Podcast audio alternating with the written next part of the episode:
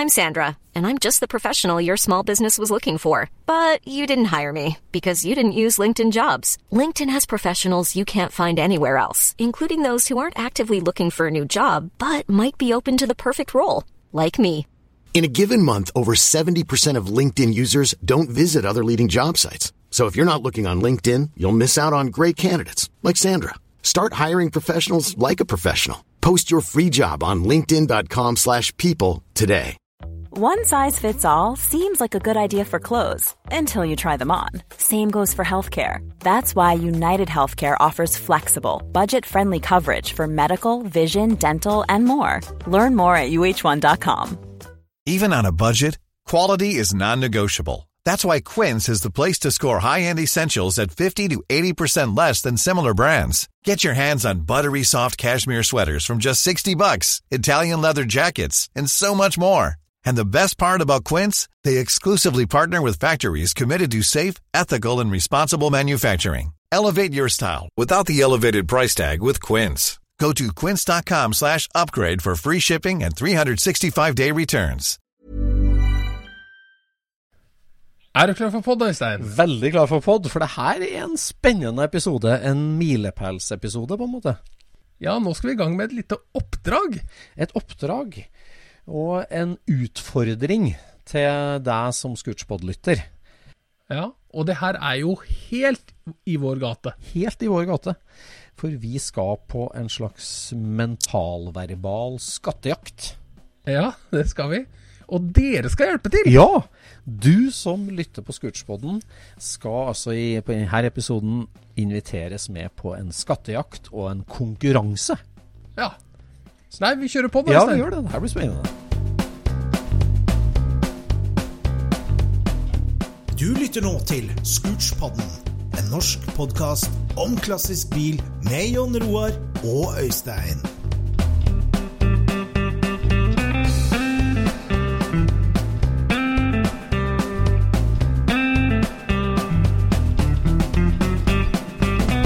Kjære Scootspod-lytter. Er du som oss, så har du på airpodsa dine under hørselverna i garasjen din, og du driver og kjører vinkelsliper akkurat nå. For det er, det er februar, og det er den perfekte eh, tida for norsk bilhobby, garasjedelen. Det er kaffeslabberas, det er vinkelslipersprut, det er busted knuckles, det er å leite etter 10 mm fastnøkkelen, det er å leite etter 13 mm. Um, det er mekkesesong, og det er så deilig. Nå er jeg liksom i gang, og det liker jeg godt, altså. Ja, det er jo den tida av året hvor du kan bruke tid på prosjektet. Ja. Altså at det, det haster ikke å bli ferdig til helga, men uh, fortsatt så Du kan liksom ane at nå er våren på vei. Ja. Så nå er liksom inspirasjon høy. Ja, den gjør det. Det, Det, det hjelper for en sår eh, hobbysjel. Ja, altså liksom januaren den, den går liksom litt unna fort, for du skal kaste ut jula, og så skal du liksom uh, gjøre litt nyttårsforsett og trimme litt, og så er det litt travelt på jobb, og så Nå er det liksom en, Nå er jeg kommet ut på langstrekket her. Nå er jeg Så i går Ja. så sto jeg og slipa sveis til den store gullmedalje. Det hele verkstedet er tåkelagt. Og jeg går i dusjen og dusje etterpå. Og da er det altså sånn at sluken ser ut som en sånn gold washing pan. At du, du Det er liksom det er spon, altså. Eller ja, det er svart. Sånn at du tenker at her kan jeg vaske ut. Da. For eh, ja. Nei, det Tvilsomt at det er noe særlig gull der, altså, Øystein. ja, det er eh, ikke mye gull. Men eh, det er noe hardt som glimrer, i hvert fall. Altså. ja, med sitt fravær. Ja. Men er det sånn at du sliper eh, utvendig sveis, eller er du på liksom de kjedeligere områdene nå?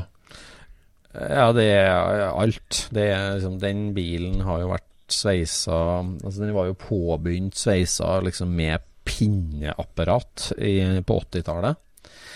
Ja. Og så har jo vi eh, sveisa masse på nå for å liksom tune inn, men det er jo liksom hele opplegget å bevare mye originallakk. Um, og Mm. rette opp en del gamle sveiser, men noe av det liksom var helt greit gjort. Men det må slipes og ordnes til, for det Så Ja. nå driver jeg med luftfiler og vinkelslipperen og flappdisken og rydder opp. og det, det, blir, det, er jo, det er jo en hyggelig jobb, men det er så kronglete. For at den bilen har vært sveisa en del sånn liksom helt oppunder dashbordet, foran fremst. Har en litt sånn rar greie. Du, du ligger liksom halvveis opp ned, og gnistspruten står, og du tygger jernspon. Det, ja. Jeg holder på, da. Og trær Ja. eh, mitt tjukke legeme nedi liksom, og bilen. Men noen ganger så må du bare gnu på, liksom. Det, Ja, det må det. det, det må bare til, det. Ja, det må det. Så prøve å veksle litt hvor en, så det ikke blir for varmt da, her og der. Men eh, nei da, det der blir bra. Så det, det er godt å være i gang. Og så fikk jeg jo så kjempehyggelige bilder fra vår gode venn Knut, som skrur motor. Så Ja. jeg ligger jo liksom, prøver å ligge liksom ett prosjekt foran på motorsida. Um, så mens jeg sliper sveis på 52 kabriolet, så har han nå i full gang med 49-motor. Uh, og den satt godt. Den kjøpte jeg på Ekebergmarkedet for mange år siden. 15 år siden sikkert. Uh, den kom fra Vestlandet. Har stått ute med Ålesundkanten i et naust der, den motoren. Eh, og den satt godt, altså. Der måtte en, uh, der måtte en Knut rett og slett kappe råden med vinkelsliper til slutt, for å få den fra hverandre. Så Jaha. det var For du skal bruke sylinderne, eller hva er det du skal ha der? Nei, det, vi ender opp med å bytte både stempel og sylindere og veiv og svinghjulet. Det var åtte, åtte høl i svinghjulet på den. Altså, Ja, det var det, ja. det sitter jo med fire, egentlig, på 25 hester. Ja, ja, ja. Eh, Så den har rett og slett vært bora, vært slitt i stykker, de fire. Så bora fire nye. Det har de holdt på å kåla med oppe i Ålesund på sikkert 50-tallet, da. Eller sånt. Så, så, det, så den Den har levd et hardt liv, altså. Men eh, litt sånn interessant motor, for det var en del eh, tidligere deler på den. En del eh, 40, altså krigsmodelldeler på den motoren. Så Ok. den må ha vært overhalt en gang med en donormotor som var eldre. Så det er veldig artig Ja. å grave i. Så jeg elsker å plukke og finne ut av sånt. Ja, Så Nei, så da blir det både boblecab og 49 boble til ja, det er kanskje året etter det, da. 49. Ja, den ligger lenger fram i lista, men, men ta motoren nå, da. Og så har jeg jo alt klart til å begynne på chassiset på den. Så det var å samle rustsveisedeler til den. Jeg kan liksom ikke bare kjøpe alt. Jeg må kjøpe litt nå og da. Så vi hadde jo med en del hjem fra Tyskland i sommer, og så har jeg igjen en liten batch å kjøpe inn nå. Så, Ja. så skal jo sveisinga starte snart. Hmm. Spennende, da. Ja, det er artig, det. Jeg gleder meg skikkelig til å ta tak i den 49-mannen. Altså. Den, eh, den gleder jeg meg til. Den eh, var jo solgt ny til en dyrlege oppe i Kirkenes og har levd et langt liv. Ja. Stemmer. Har du skrudd noe i siste, Jon Roar? Jeg har eh, ikke skrudd så veldig mye bil i siste, men eh, det er en fordel med å legge ut om eh, dieselproblematikken på, i poden. Ja, ja, Jeg har fått litt en del uh, bra tips, altså. Det har Ja. vært telefoner, og det har vært uh, meldinger, og det har vært uh, veldig, veldig fint. Veldig kjekt. Ja, for du slakta jo bruksbilmotoren, delte den, satte den sammen igjen, og hadde da problem med viftereima, vet du det, eller noe sånt? Ja, det er den uh, Reima som driver Dynamoen. Ja. Men vi gidder ikke prate mer om det nå. men, Men i hvert fall, det har kommet innspill, for det er jo, folk har vært og pella på sånne ting før. Ja, Så, akkurat. um, men det var hyggelig. Takk skal dere ha, alle sammen. Ja, ja det var det å legge seg ut der. Jeg har fått satt opp den siste drageren i låven, så nå er liksom den eh, Det som skal bli servicehall, har ja. fått all støtta si i taket. Så Og den fine lille journal-jacken min har uh, løfta den siste delen av låven 20 cm for å få inn uh, ståldrageren. Så det er spennende. Men er, er mønsåsen din helt i vater nå, snorrett med laseren, eller? Har du jekka sånn? si at alle fire veggene står der de skal. Ja. Men det er gulvet inne på låven som har hengt med buken. Ja. Så nå er det løfta opp, sånn at det er eh, parallelt med ytterveggene. ja. Det er bare det. Så det, det henter bare inn den formen det har hatt før, kan du si. Ja. Mm. Mm. ja. Så det er eh, Ja, hva, hva heter det? Det, det livnar i lunder, eller hva de kaller Ja. det. Det lysnar. Ja. Streetcars Lunder er ikke en klubb, det? Ja, det er det kanskje. Det Sånn er det. Yes, er det er veldig hyggelig å høre tilbake fra lytterne. Og det har vært veldig bra respons i siste på de eh, besøkene vi har hatt òg, på gjestene våre. Ja. Uh, mange som stussa over at uh, det ikke var brukt bokstaven Y i forrige episode i hele tatt. Det er mange som har reagert på. ja. Det har vært en favoritt blant eh, mange. Det. Jeg har fått en del henvendelser om den, og syns det var en veldig trivelig pod. Ja, ja det er artig. Veldig hyggelig. Ja. Ellers er januar over, og vi skal snakke litt om liksom prisutviklinga. Vi, driver ikke og snakker så mye om det i Scootspoden egentlig, men eh, januar er jo en sånn måned der eh, eh, der man får en litt sånn helsesjekk på verdensmarkedet for klassisk bil. For da er det jo hele det showet i Scottsdale, Arizona, der eh, det er mange tusen biler som auksjoneres ut i, gjennom hele hel uke. Ja. Og så er det samme i, på Retromobil i Paris, der eh, det er tre store auksjoner. Både Bonhams og RM og Art Curial har jo sine auksjoner i eh, Paris. Og, Ja. Mm. Og eh, jeg er jo nerd ikke på liksom ikke på Ikke prisen fordi at liksom verdien er så interessant, på en måte, men det er det er veldig artig å se og, og følge med litt på nett, syns jeg, når de auksjonene går. For de er jo helt fantastiske, de livestreamene fra de auksjonene. Du kan, eh, du kan sitte og se på eh, auksjonene går hele tida. Og, Det er akkurat som eh, hytteeiere er ikke egentlig interessert i hvor mye snø det er, men det er, hvis de har ei hytte, så følger de med på det likevel. ja, ja, det er jo litt sånn. For det kan ha noen konsekvenser. Ja. Nei, for det bilmarkedet, det der med liksom hva er, hva, hva er trendene, liksom? Er, Altså, hva skjer med førkrigsbilene? Hva skjer med 90-tallsentusiastbilene? Hva skjer med, med sportsbilene? Hva skjer med engelske biler? Det, det er interessant å se bare som et barometer på hva er folk interessert i? Hva opp, er folk opptatt av? Så, Ja.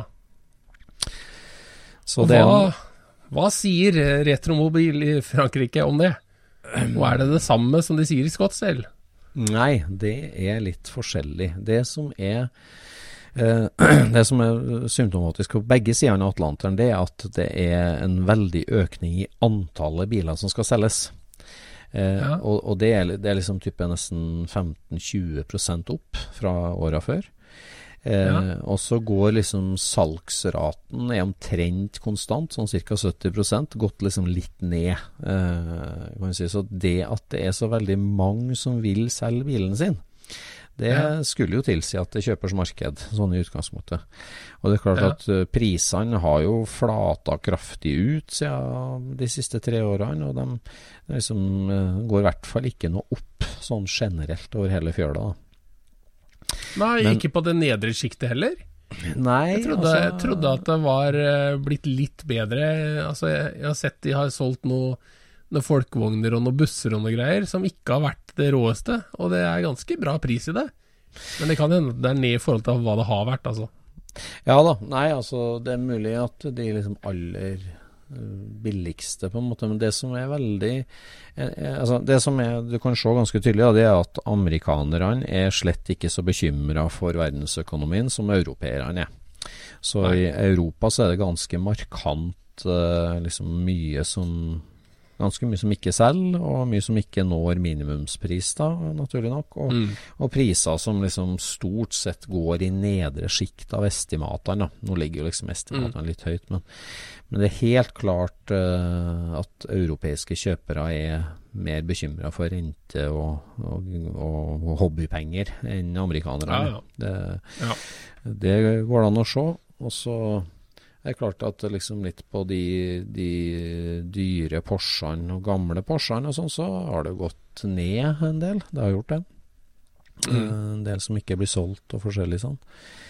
Men det som er i hvert fall helt som er liksom litt overraskende utvikling, det er at eh, det som ikke er overraskende, det er at originalbiler går veldig opp i pris. Det, nå er det egentlig sånn at nå var det to veldig like 55 Porscher.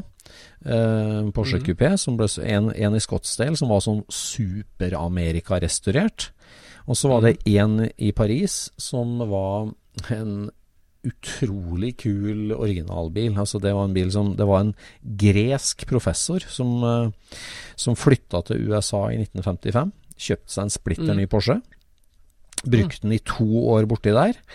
Og helt på tampen av eh, Eller det det var kanskje mer, kanskje det var fire-fem år, men det, det var ikke lenge fire-fem år. Og helt på tampen av oppholdet borti USA så rasa han motoren inn.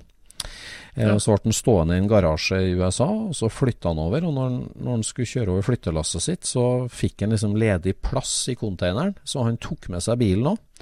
Eh, Hvor hen da? Hvor er han flytta hen da? han flytta hjem igjen til Hellas. Oh, ja. Det altså var en gresk professor som var Ja, ja, ja. gjesteprofessor i USA. Så han kjørte bilen fem år borti der, og så hadde han plass i containeren. Kom han til Hellas, og så dytta han den inn i garasjen på et sånt steinhus på sørkysten i Hellas.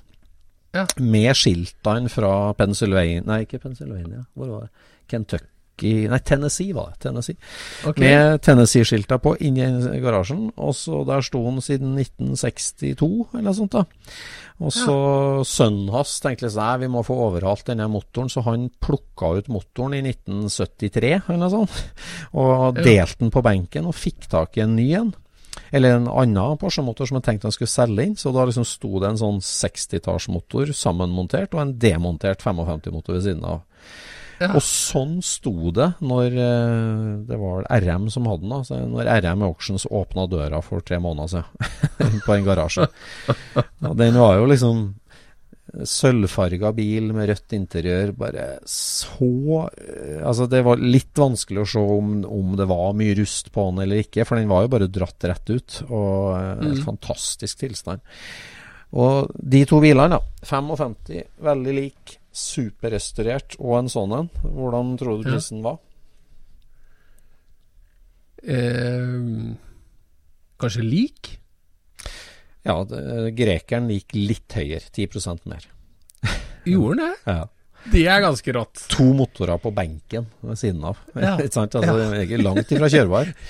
Så den ene Ja, gikk vel det er jo en, egentlig en veldig skeivt uh, skeivt forhold likevel, da. Tenk deg hvor mye penger som er brukt på å restaurere den andre. Ja, herregud. Ja, det var Men det andre kan ikke kjøpes for penger, ikke sant? Nei, kan ikke det. Så, så det er veldig markert, eh, absolutt. Og så, så var det òg applaus i salen. Det er jo litt artig når det blir applaus i salen, på en måte. For det er klart, når, når bilene begynner å koste liksom to-tre millioner euro, så blir det applaus i salen, for det, liksom, det er veldig mye penger.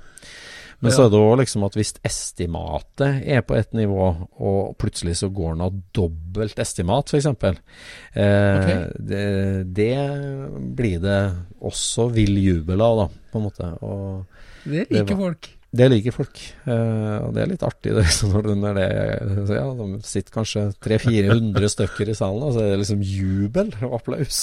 så, og I Frankrike så er det ganske måteholde med det, altså, men det var altså en Bugatti, et, eh, en 35 eller sånn sigar-Bugatti, en type 35, som var Som liksom Altså et, et totalprosjekt helt, helt i biter, og en sånn typisk litt sånn som dyre Bugatti i at det, liksom, det er en motor med et motornummer og et chassisnummer som er liksom det er byggbart, og det er en viss kjent historie, men det meste er tapt. Det er bare motoren som har overlevd, egentlig.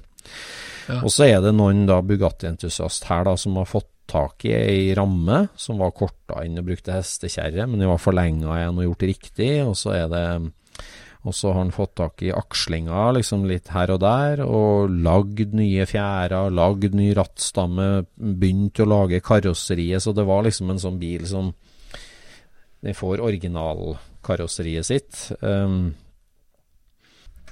ja, så det her var liksom en, en prosjekthaug, da, med en motor og et nummer og en historie, men, eh, Ja. men liksom ellers deler fra alle prestegjeld, og liksom sånn type 30-40 nylagde reprodeler, da. Som sånn på masse paller som står der, da. Og det er klart, et sånt prosjekt, hvis det ikke var en Bugatti, så var det liksom ganske tungt å ta tak i, eh, en sånn prosjekt. da. Men Ja. her var en Bugatti, og han var estimert til Jeg tror det var 300 til 450 000 euro, eller noe sånt, var han estimert til. Og han ble klubba til 670 eller noe sånt. Altså nesten sju millioner kroner, da. Og på en måte nest, nest, nesten to ganger estimatet, og det vil jubel! Du kan jo tenke deg det. Det så ut for meg som et sånn typisk dødsbo, da, ikke sant. At du har kanskje en sønn da, eller datter som arver det her, og tar det med til auksjonshus, og de estimerer så bare katang, så vinner du jackpoten. Og liksom dobbel pris. Så, så det var litt artig, da. Så mm. Nei da. Så Ja. det er måteholden begeistring på at det holder seg godt, får vi si. Og, Mm, mm. og jeg syns at det liksom det er ikke noe sånn det, det, der, det vi så for noen år siden, at 90-tallerne og Nissan NSX-ene og alle sammen liksom kom opp veldig, de har liksom flata ut ganske likt, føler jeg. Det, det, er, ikke, det er ikke lett å peke på en, en gruppebil som er veldig på vei opp eller veldig på vei ned. Det er ganske sånn stabilt. Ja. Så det mora meg litt med, da. Jeg kan ikke huske det var sånn når vi eh, var på Østlandske bilauksjon på 90-tallet og kikka på bil. Det var noe vill jubel over en Mitsubishi Colt som gikk for 12 000 kroner. Nei. nei. Men det er klart, på mm, toppsalg per år, så er 2022 et, uh, en ny hjørnestein i verdenshistorien for bil. da. Ja. For eh, toppsalget liksom tracker man jo alltid hva er den dyreste bilen som ble solgt. Og, og før pandemien så, så var jo de rekordene sånn 40-50 millioner dollar, eh, Ja. sånn bil. Og så gjennom pandemien nå så var liksom toppsalgene rundt sånn 20 millioner dollar. Men i 2022 Mm. da så smalt jo Mercedes til med å selge sin uh, Ulenaut, en av sine to Ulenauter til 140 millioner dollar. Altså 1,5 Nei, men jeg vil jo si at de stiller litt utafor konkurranse, gjør ikke det? Vi gjør det, altså. Liksom- Men uh, det, det, det, jeg bare så dere statistikkene fra Haggerty og liksom at eh, ja, det er, toppsalget der er markedet opp 600 Ja. sånn, ja. Så, Nei. Da må man nesten forvente en liten svakke i etterkant, tenker jeg. Ja, eh, så det blir vanskelig å toppe det. Det må man si. Ja da. Nei, jeg kikka jo litt på den eh, Scottsdale-bilen, den 356-en, den Pre-A-en. Ja. Eh, der var det jo helt fantastiske bilder av den bilen. Så tenkte jeg at dette her må jeg ha i referansemappa mi over eh, Pre-A. Ok. For det var dritkule bilder. Altså, Det er jo ikke det at den sto på noe unikt sted, men det var liksom sånn tatt eh, i flere forskjellige vinkler. Så de driver med dokumentering av den bilen, ikke sant. Så de tar den jo i alle vinkler. Mhm. Og da kunne jeg jo liksom sitte og se på den bilen, prøve liksom finne ut hvilken vinkel er en eh, 356 best i. Ja. Mhm. Og hva, hva avgjør om eh, en bil er best i en vinkel? Altså for, for min del så er det at du ser flest mulig av bilens karakteristikker eller former i det bildet. Ja, i, i, i, i samme perspektiv, liksom. Eller samme Ja, punkt. Ja. At du kan fange mest mulig av geometrien i bilen på Mm. ett eneste bilde. Mm. Uh, og da kom jeg fram til at det var på skrått forfra, men mer fra rett siden av enn eh, Altså, det var ikke 45-graderen, det var kanskje 60-graderen. Mhm.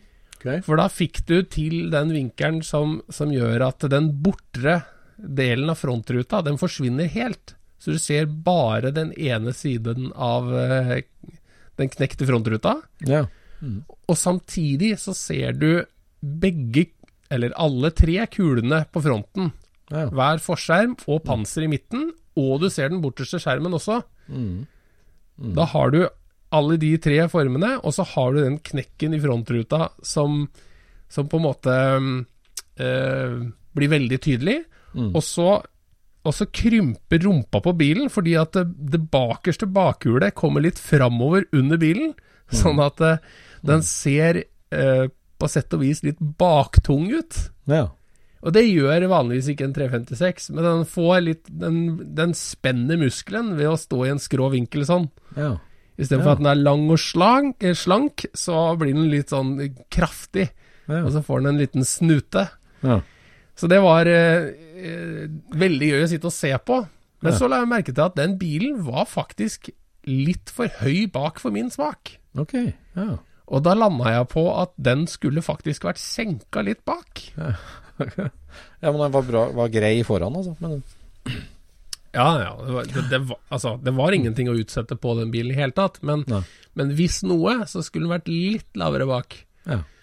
Eh, til tross for at kanalen var parallell med bakken, Ja. så syns jeg at den skulle hengt litt mer med rumpa. ja. Og om det er for at den skal se mer dynamisk ut, eller om det gjør noe med designet, det er jeg ikke helt sikker på. Men, eh, men så begynte jeg å tenke på hvilke biler trenger minst senk for å se bra ut?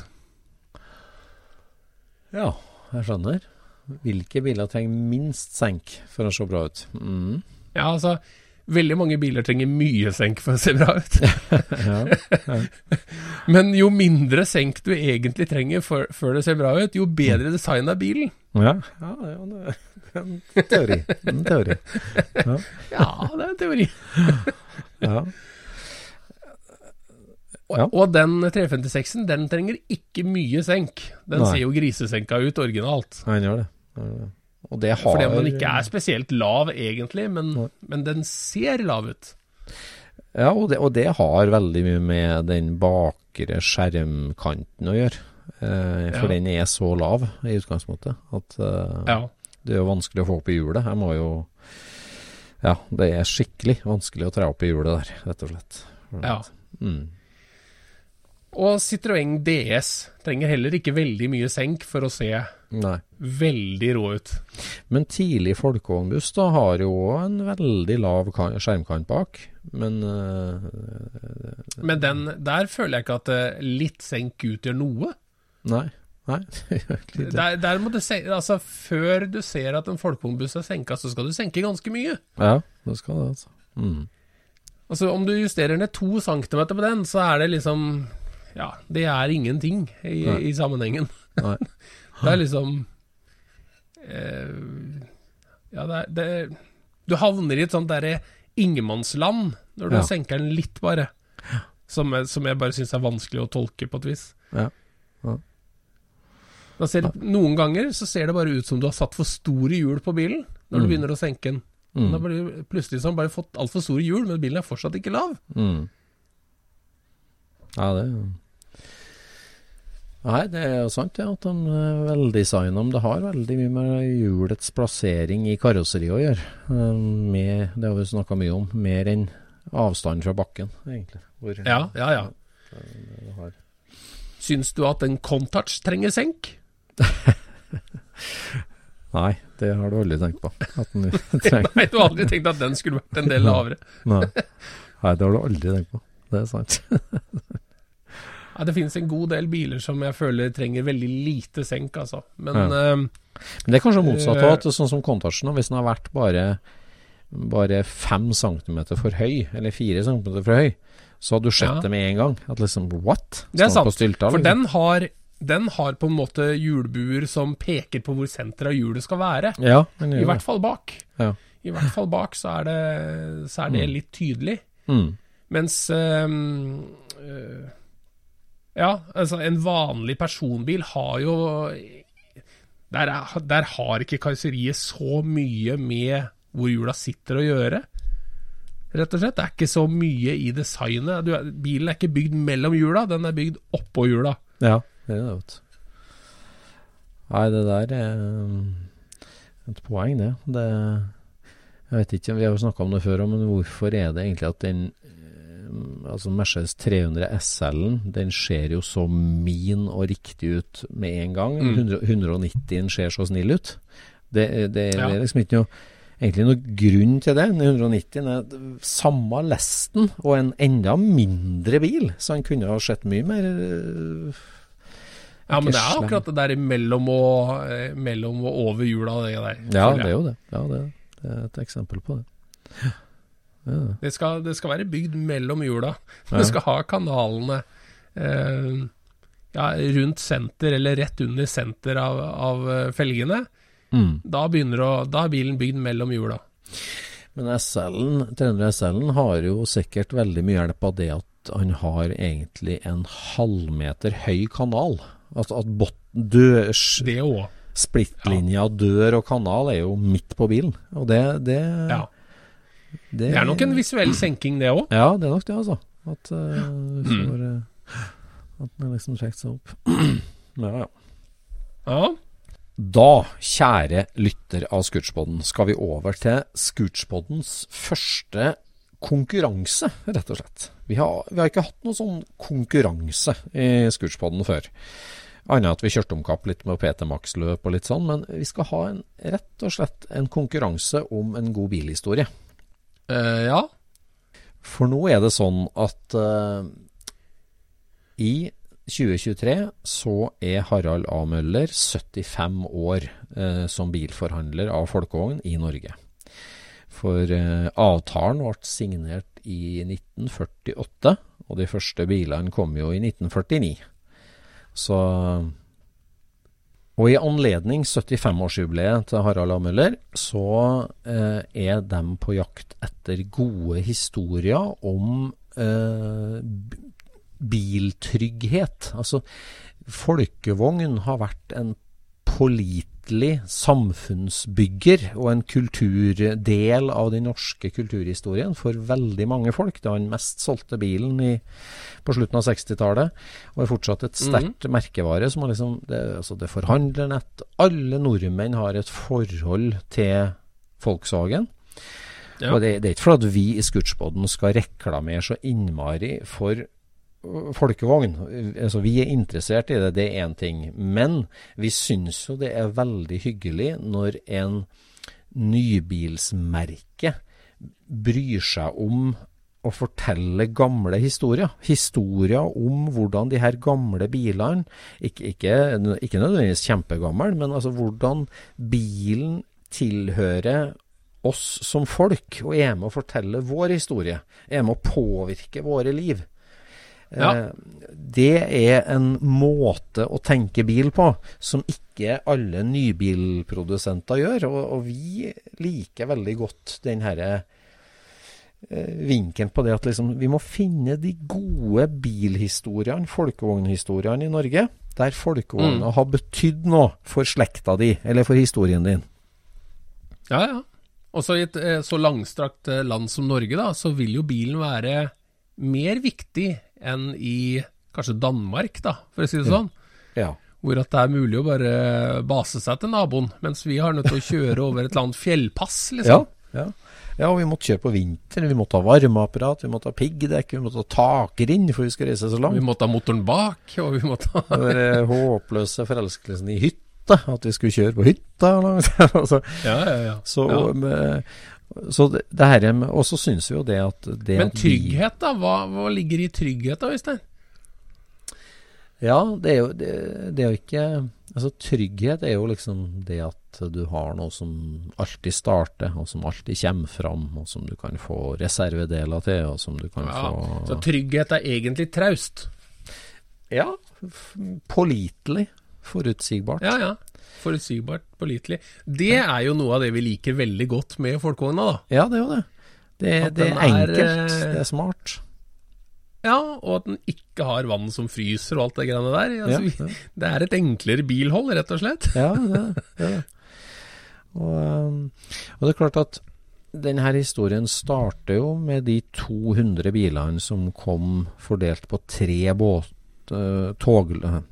Denne historien starter jo med de 200 bilene som Harald A. Møller fikk lov til å importere til Norge. og Det der er jo en kjempeinteressant historie i seg sjøl, for at det var, det var slett ikke mange nye biler som kom til Norge i 1949. Og det var det var jo eh, importforbud, og det var valutaeksportforbud. Så det var vanskelig å få, få kjøpt inn de her bilene. Så de 200 kom jo til Norge i 49. Alle dem ble jo solgt i bytte mot ei kjøpetillatelse.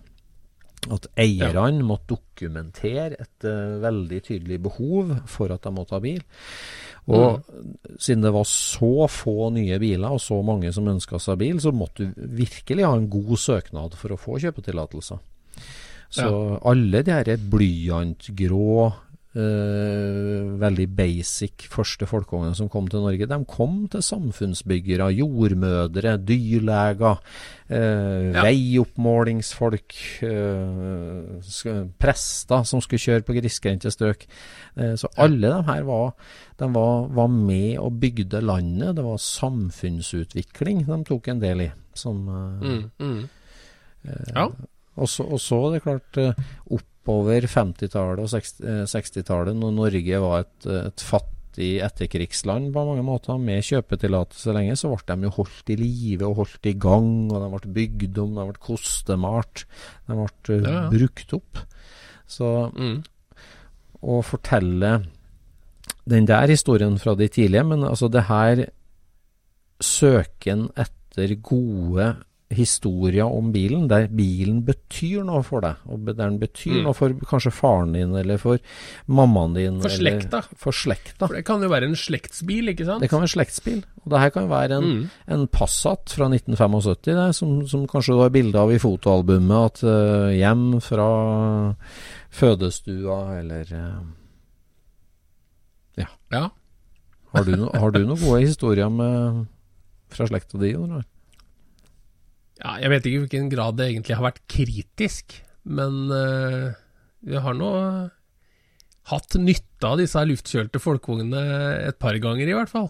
Ja. Som uh, Jeg husker en gang som um, Den første vinteren som jeg kjørte den røde 1303-en min, da Ja. den var nyrestaurert. ja.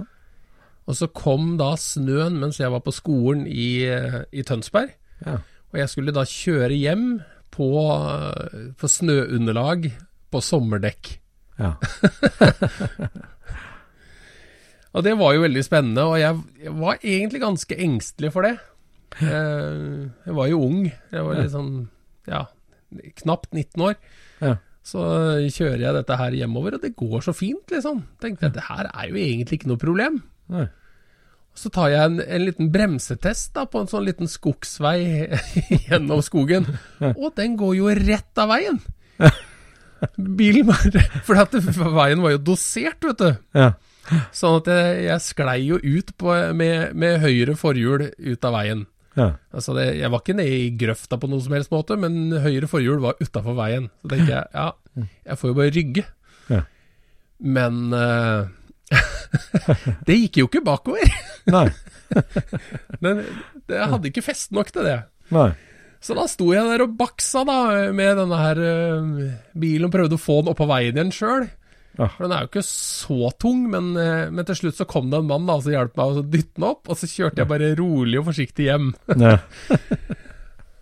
Og, og så når jeg kommer hjem, da, så, så eh, Dette her er en fredag, selvfølgelig. Og så er det sånn at eh, mora og faren min skal reise med ferja til Sverige samme dag. Mm.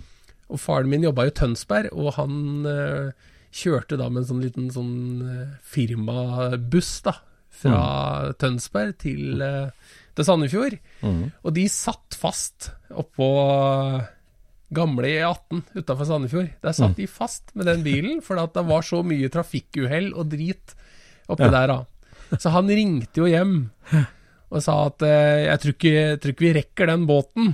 Nei. Og så sa jeg at jeg, men jeg kan, jeg kan kjøre opp og hente deg, sier jeg. vet du. For jeg har jo boble her. og så, eh, så kom eh, naboen forbi, og han eh, Han hadde lyst til å være med, da. Eh, Han, en god del eldre enn meg, da. En voksen kar, liksom. Så han ville være med, da, i tilfelle jeg fikk noen problemer, da. Og vi kjørte da de her, alle disse bakveiene opp til gamle E18, og vi bare tøffa forbi i alle motbakker. med, Ja, med sommerdekk, med, liksom, med sommerdekka fortsatt. Så vi, vi kjørte Altså, det var eh, Det at jeg ikke klarte å rygge opp på den veien, det, jeg vet ikke akkurat hva det var, men det må ha vært mer blankpolert der, da. Så vi det var bilkaos overalt. Biler sto på hyttene og i grøfter og liksom det, det var helt vilt, så de fikk jo ikke brøyta heller. Så tøffa vi forbi da i nylakkert rød boble. Opp blant alle disse bilene, helt vi kom opp til der faren min kom i møte, da. og så hoppa han ene bak i baksetet, og så kjørte vi hjem igjen. og de rakk båten. så kritisk var det ikke. Men uh, uten uh, motoren bak så hadde den nok ikke gått. Rett og slett. ja. Nei, det, den har vist seg uovertruffen på vinterføre. Det er helt Ja. sikkert. When you're ready to pop the question, the last thing you want to do is second guess the ring.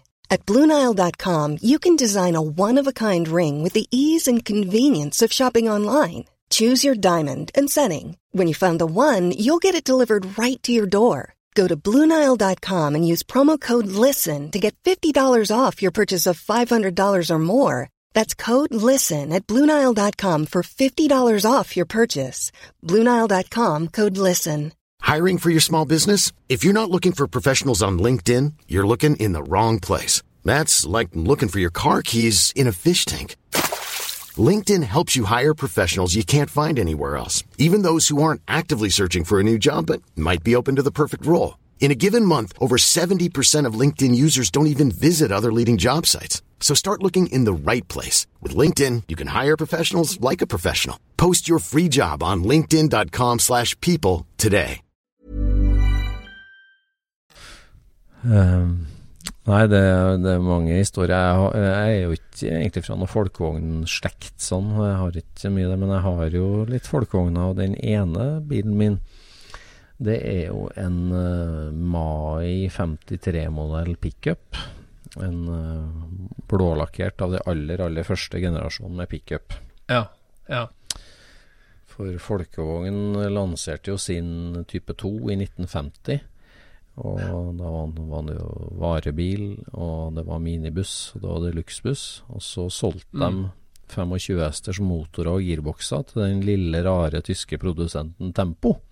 Som Ja. eh, lagde Tempo Matador, en liten, knøttliten lastebil. ja. Og så, helt på tam i november 52, så bestemte Folkevogn seg for å lage noen, eh, en, en, en prøveproduksjon av, eh, eh, av pickup. En singelcab pickup. Og da kom den aller første der. Og det ble en kjempesuksess. Og da ble det slutt på å selge motorer til Tempo, og de starta produksjonen av den vi kjente som pickup. ja.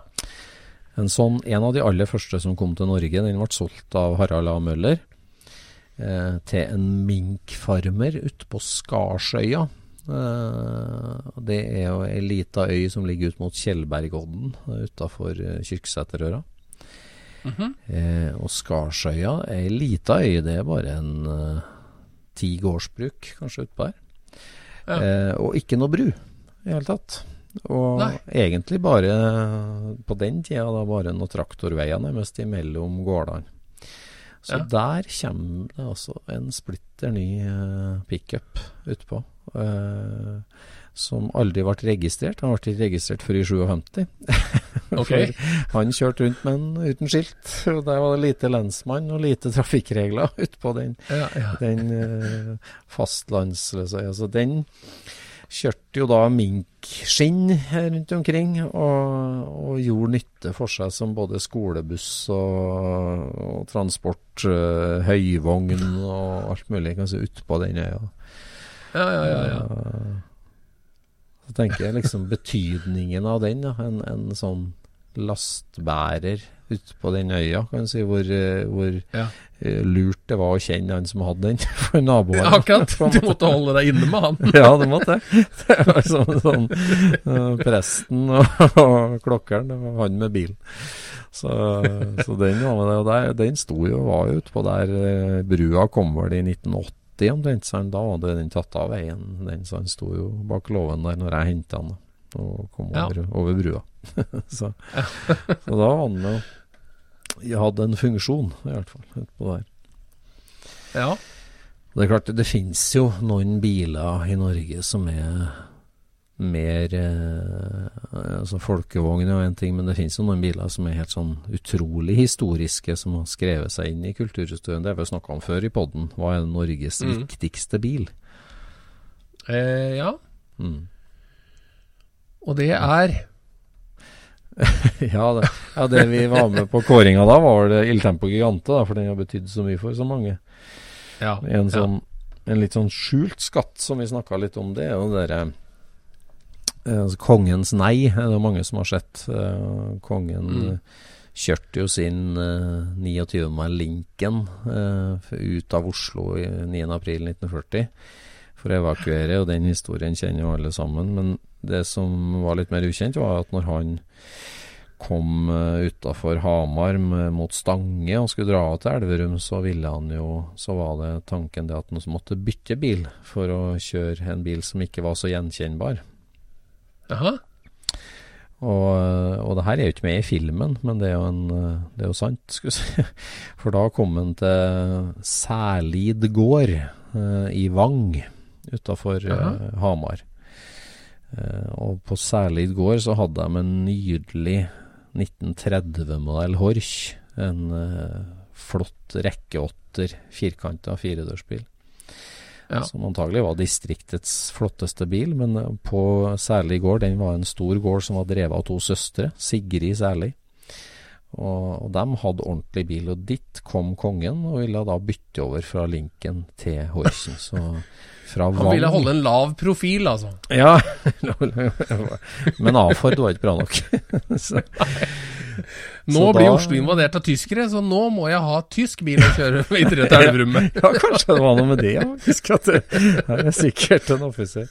Så han ankom jo den eh, skolen, uh, i, eller forsvarsinstallasjonen i Elverum der i Horch, ikke i linken sin. Nei. Og den her Horchen den er jo i privat eie i Tyskland i dag. Den ble jo eksportert selvfølgelig eller til Sverige på 70-tallet, så den uh, står der. Så Ja. men det er jo liksom eh, nasjonalhistorisk viktig. Men det vi altså er på jakt etter i Scootspoden første, første konkurranse, det er eh, en folkevognhistorie der bilen har en betydning for folk. En emosjonell betydning. Der den har vært med på, på et eventyr eller på noe dramatikk eller heller. den har, vært- den har starta og levert og spilt sin rolle i eh, et kulturhistorisk eh, event. eller en ja.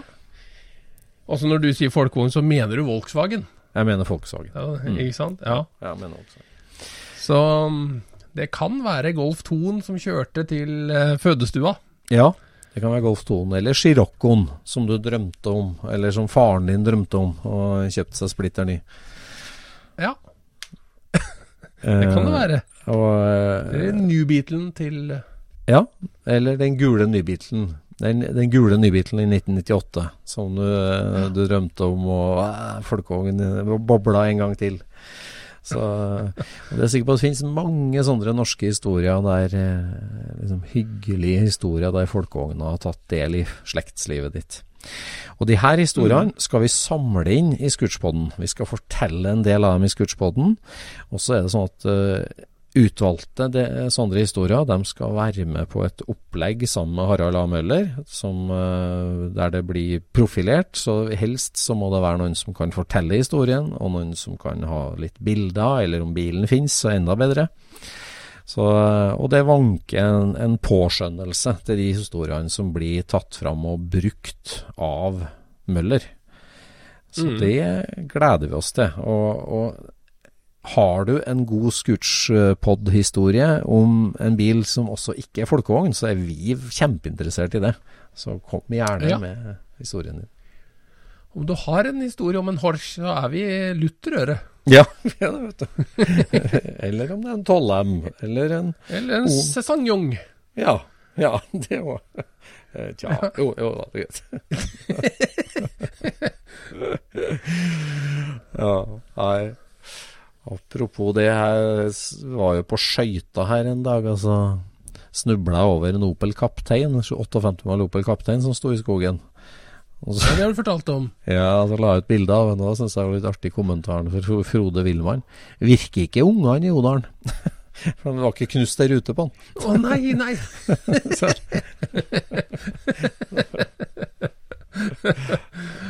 ja.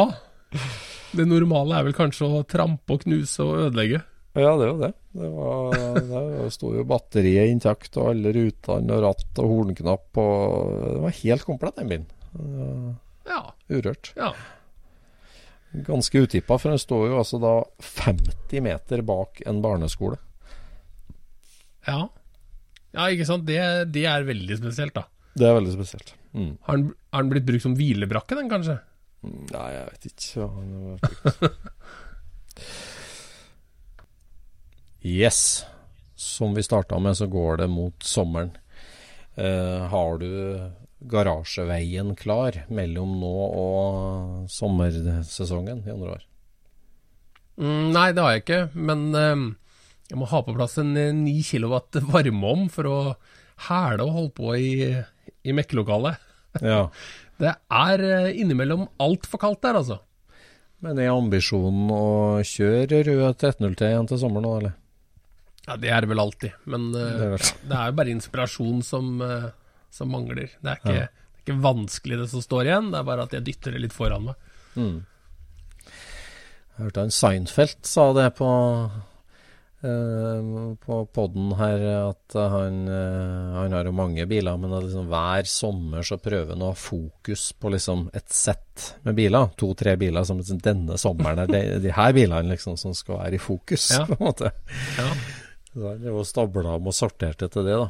Så jeg vet ikke helt hva slags modus man skal tenke at man er i sommer. Jeg, har tenkt tenkte litt på etterpå at jeg, jeg skal kjøre mer Kybelwagen, har jeg tenkt. For den Kybelen min er artig å kjøre, og den har jeg brukt for lite de siste åra. Ja. Nei, altså, jeg har tenkt over at det står jo Det står jo noen biler her og der som egentlig er ganske startklare, men, men eh, de er bare nedprioriterte, så jeg lurer på om jeg skal dra fram en av de. En gammel, ja. en gammel favoritt. En svart altså, 64, se for eksempel. eh, Nei, ikke en Nei. svart 64. Nei. Men eh, jeg fant jo denne gamle Hotdal-logoen min her om dagen, og den, eh, den minte meg på at det, det står jo en bil med en heit motor i en garasje her. Ja, det gjør det jo. Mm. Var det bestefaren din sin? Nei, ikke den. Ikke den? Nei. Det er ikke den heller. Ikke den heller? Men vi får Hæ? Ikke den heller? Nei, ikke julebil? Ikke den heller. Nei. Nei, ikke den heller. Oi. Så den eh, Det får vi se, om vi får fram den gamle reven der. Ja, akkurat. Det er spennende. Men eh, altså Hva er bedre enn å stå og synke doble gassere i vårsol? Det finnes Ja. ikke mye som er bedre enn det. altså. Nei, det er ikke det, altså. Det er, Det er veldig hyggelig. det er veldig hyggelig. Det er det. Og den derre symfonien du har bak deg når du kjører boble med, med trimmotor Ja, pa. Det er helt perfekt, altså. Ja, det er helt perfekt, altså. ja, jeg fikk, fikk jo melding fra en sånn amerikaner som apropos IDA-motor, den Calluceren min med IDA-motor, en amerikaner som driver og lager register på chaparral-felga nå. Eh, Oi, ja vel, ja. Oversikt over de. Ja, oversikt over de. Eh, de er jo litt udda, de chaparral-hjula. Eh, og i 15 tom, de var jo levert til Buggia i 13 og 14 tom. Men eh, 15 tom, liksom bobleversjonen, da. Der Ja. eh, mente det var maks 50 stykk i verden. Han gjorde det. Ja, ja. Så Ja. eh, Men du har jo en felg som jeg syns er mye mer interessant. Big-felgen. Ja, den henger Altså, hageslangen den- på. Amerikanske Big-felgen. Mm. Der hvor det ikke fins noen som er hele, for de var altfor tynne. Ja, det gjør det. Så jeg har to. En er full av sprekker, og den er reservehjul. Og en er fullstendig sprekt, og den er hageslangehenger, faktisk. Ja. Ja, det er en tøff felg. Altså Hvis Ja. noen skulle kopiert en felg, så er det den. ja, ja. Men det er jo det at det er stålbane på den, og så har den Jeg vil nesten kalle den har Jeg vil nesten si at den har italiensk design på senteret. Mm. Den har ikke det, da, men det er litt sånn Det er litt sånn fussy. Ja, Fussy slåttmags. Fussy slåttmax. Ja, det er sant, ja. Nei, den, Det er en den tøff helg. Det er en tøff helg, absolutt. Den er helt spesiell, den. Så, men eh, det er ikke mange som kjører med dem, nei. Det er ikke, jeg vet ikke mange sett hele det finnes, men eh, alle er vel sprekt mer eller mindre, som du sier. I den første boka til Keith Zoom så er det en rød boble med big-felger på. Mm. Den husker jeg. Den, eh, ja, den har brent seg inn. Den var Mm. tøff. Ja, tøff, tøff.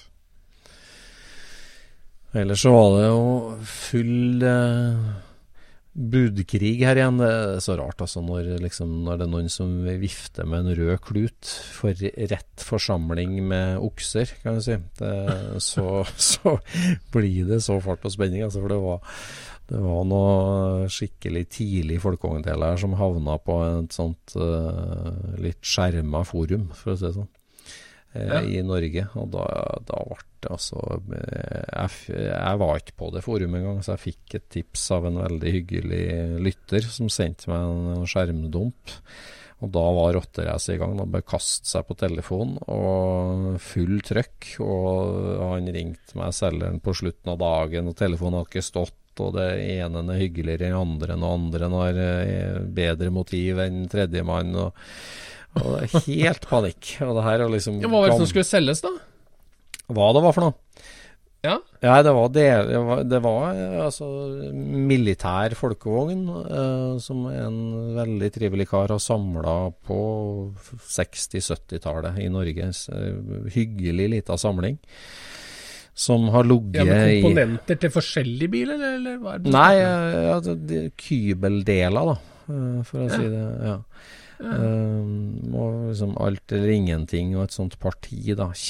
Kjempehyggelige deler. Liksom norske, ekte deler som bare har ligget på lager, ikke vært liksom mikka noe med, eller repro-ting blanda inn med originalt, eller sånn, sånn ordentlig drømmetilstand, altså. Ja. Og, ja, og alt eller ingenting, og vil at det skal bli i Norge og komme på bil, da kan du si. Og jeg har jo den 41 mile-kybelen min som, som mangler stort, sett, mangler stort sett alt som han skulle selge.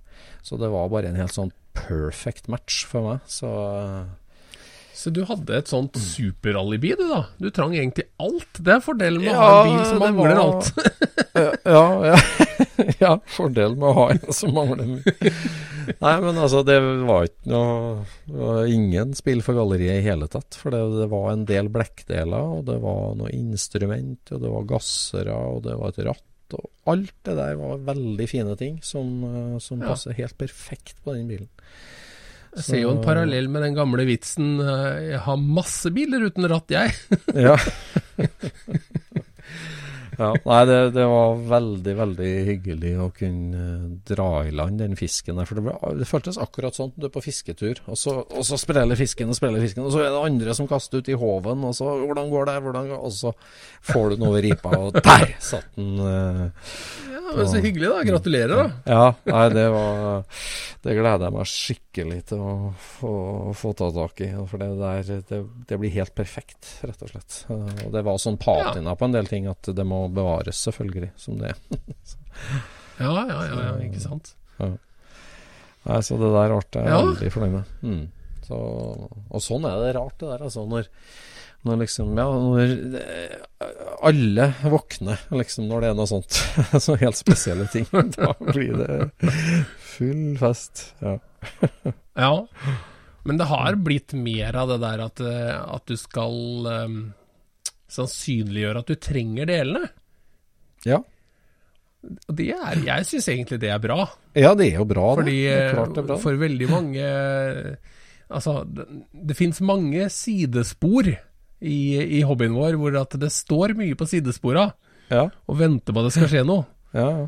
Så det er, det er uh, gjennomgang og, og fart. Det er, det er der delene trengs, ja egentlig. det. Mm. Så, Ja, og det er jo, det er jo så Det er jo så lettomsettelig nå med liksom, tilgangen på nett, på en måte. Så, så det er jo så lett at det, det flyter fritt i alle kanter, sjølsagt. Og, og Ja. vi skal ikke snakke stygt om det, for det, det, ting går ut og ting går inn, og det, det var Ja, ja. masse sånt. Men, men det, det, Nei, det er jo et rettferdig løp, det er jo det. Mm. Altså, det eneste som, som på en måte er litt slitsomt med det, er jo at det skal selges i batch, liksom. Eh, altså Når noe selges på den måten, så må jo noen ende opp med noe de ikke behøver så veldig mye. Ja, altså det, det er jo en, en skala du trenger ting etter. Ja, så noen ting Altså du 70% trang jeg veldig. 30% trenger jeg ikke så mye, men jeg måtte ta dem likevel. Mm. Ja da. Nei, det, det blir nok eh, Det blir litt til overs, men eh, stort sett så var det utrolig hyggelige ting, altså. Så det, det var en veldig artig ting. Så det er stadig ting som dukker opp. Hvordan går det på nett, og hvordan går det med våre patrons? Å ja, det går bra med våre patrons. Vi har fått tre patrons siden sist vi prata. Ja. Og de er da Geir Sjøli, Geir Sjøli. Sveinung Bjørkevåg Ja. og Ivar Aasland. Oi! Det er hyggelig. Folks Eiendom har vært på besøk her og sett på det ene og andre. Og Ivar Aasland, nygift og Norges beste motivlakkerer. Ja, og han er også en fellow trolldrømmer. Det er jo artig. Å oh, ja. Fikk du melding om det? Ja, jeg kasta jo jeg kasta ut en liten eh, Ja. ja. Jeg så vel ikke på det som en fiskekrok, men, eh, men jeg, tenk, jeg nevnte dette her med at jeg synes det er litt potensial i trolls grunnform, og ikke nødvendigvis i trollkarosseriet. Ja. Der var jeg ikke helt aleine om å, å ha noen tanker i den retning, i hvert fall. Så det var litt Det artig. er artig. Det er artig. Han er jo en driftig kar, så her kan det jo skje noe. Ja, absolutt. Nei, det, det gleder vi oss til. Ja, Jeg håper jo ikke at eh, trollhistorien stopper med smørekoppen. Ja, nå tenker du på kabrioleten du som ble lag- lagd i Trondheim for noen år siden. Ja. Nei, jeg er enig i at det var litt å gå på der, når vi, når snakka om estetikk. Ja, ikke sant. Vi, vi, eh, vi må jo strekke den strikken i riktig retning. Mm. Ja.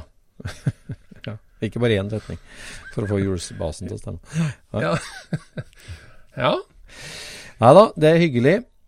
Nå kommer det vel en egen episode for uh, patrons. Det har de gjort lenge, Ja, men nå nå skal det vi like få, få sluppet den ut. Ja. Ja. Og så ligger jo alle episodene uten reklame da, på, på patreon.com. Ja.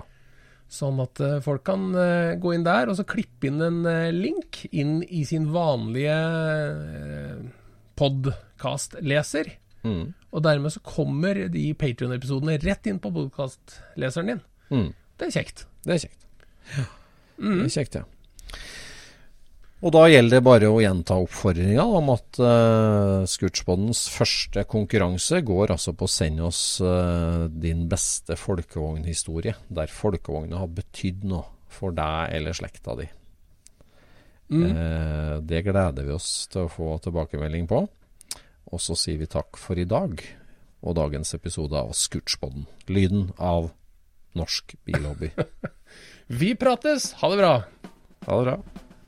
Scootspodden produseres av SSC Media, med god hjelp av VV Norge og Trond Dahl for hosting, Knut Micaelsen for musikk. Abonner på Scootspod via podcaster eller Acast, og følg Scootspod på Instagram og se det vi snakker om. Der kan du også komme med kommentarer og innspill, og fortelle oss hva du vil høre om.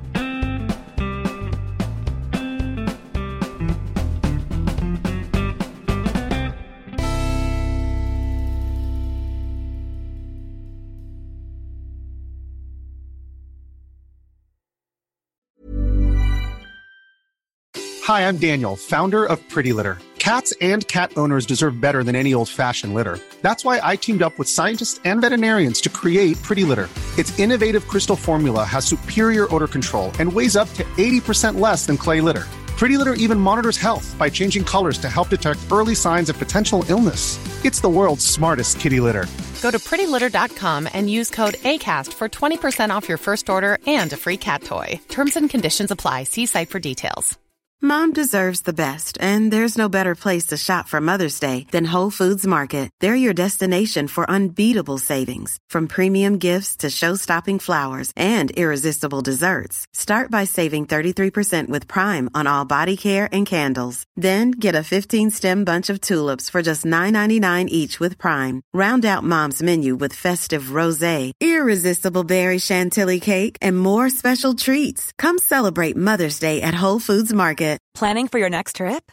Elevate your travel style with Quince. Quince has all the jet setting essentials you'll want for your next getaway, like European linen, premium luggage options, buttery soft Italian leather bags, and so much more. And is all priced at 50 to 80% less than similar brands. Plus, Quince only works with factories that use safe and ethical manufacturing practices. Pack your bags with high-quality essentials you'll be wearing for vacations to come with Quince. Go to quince.com slash pack for free shipping and 365-day returns.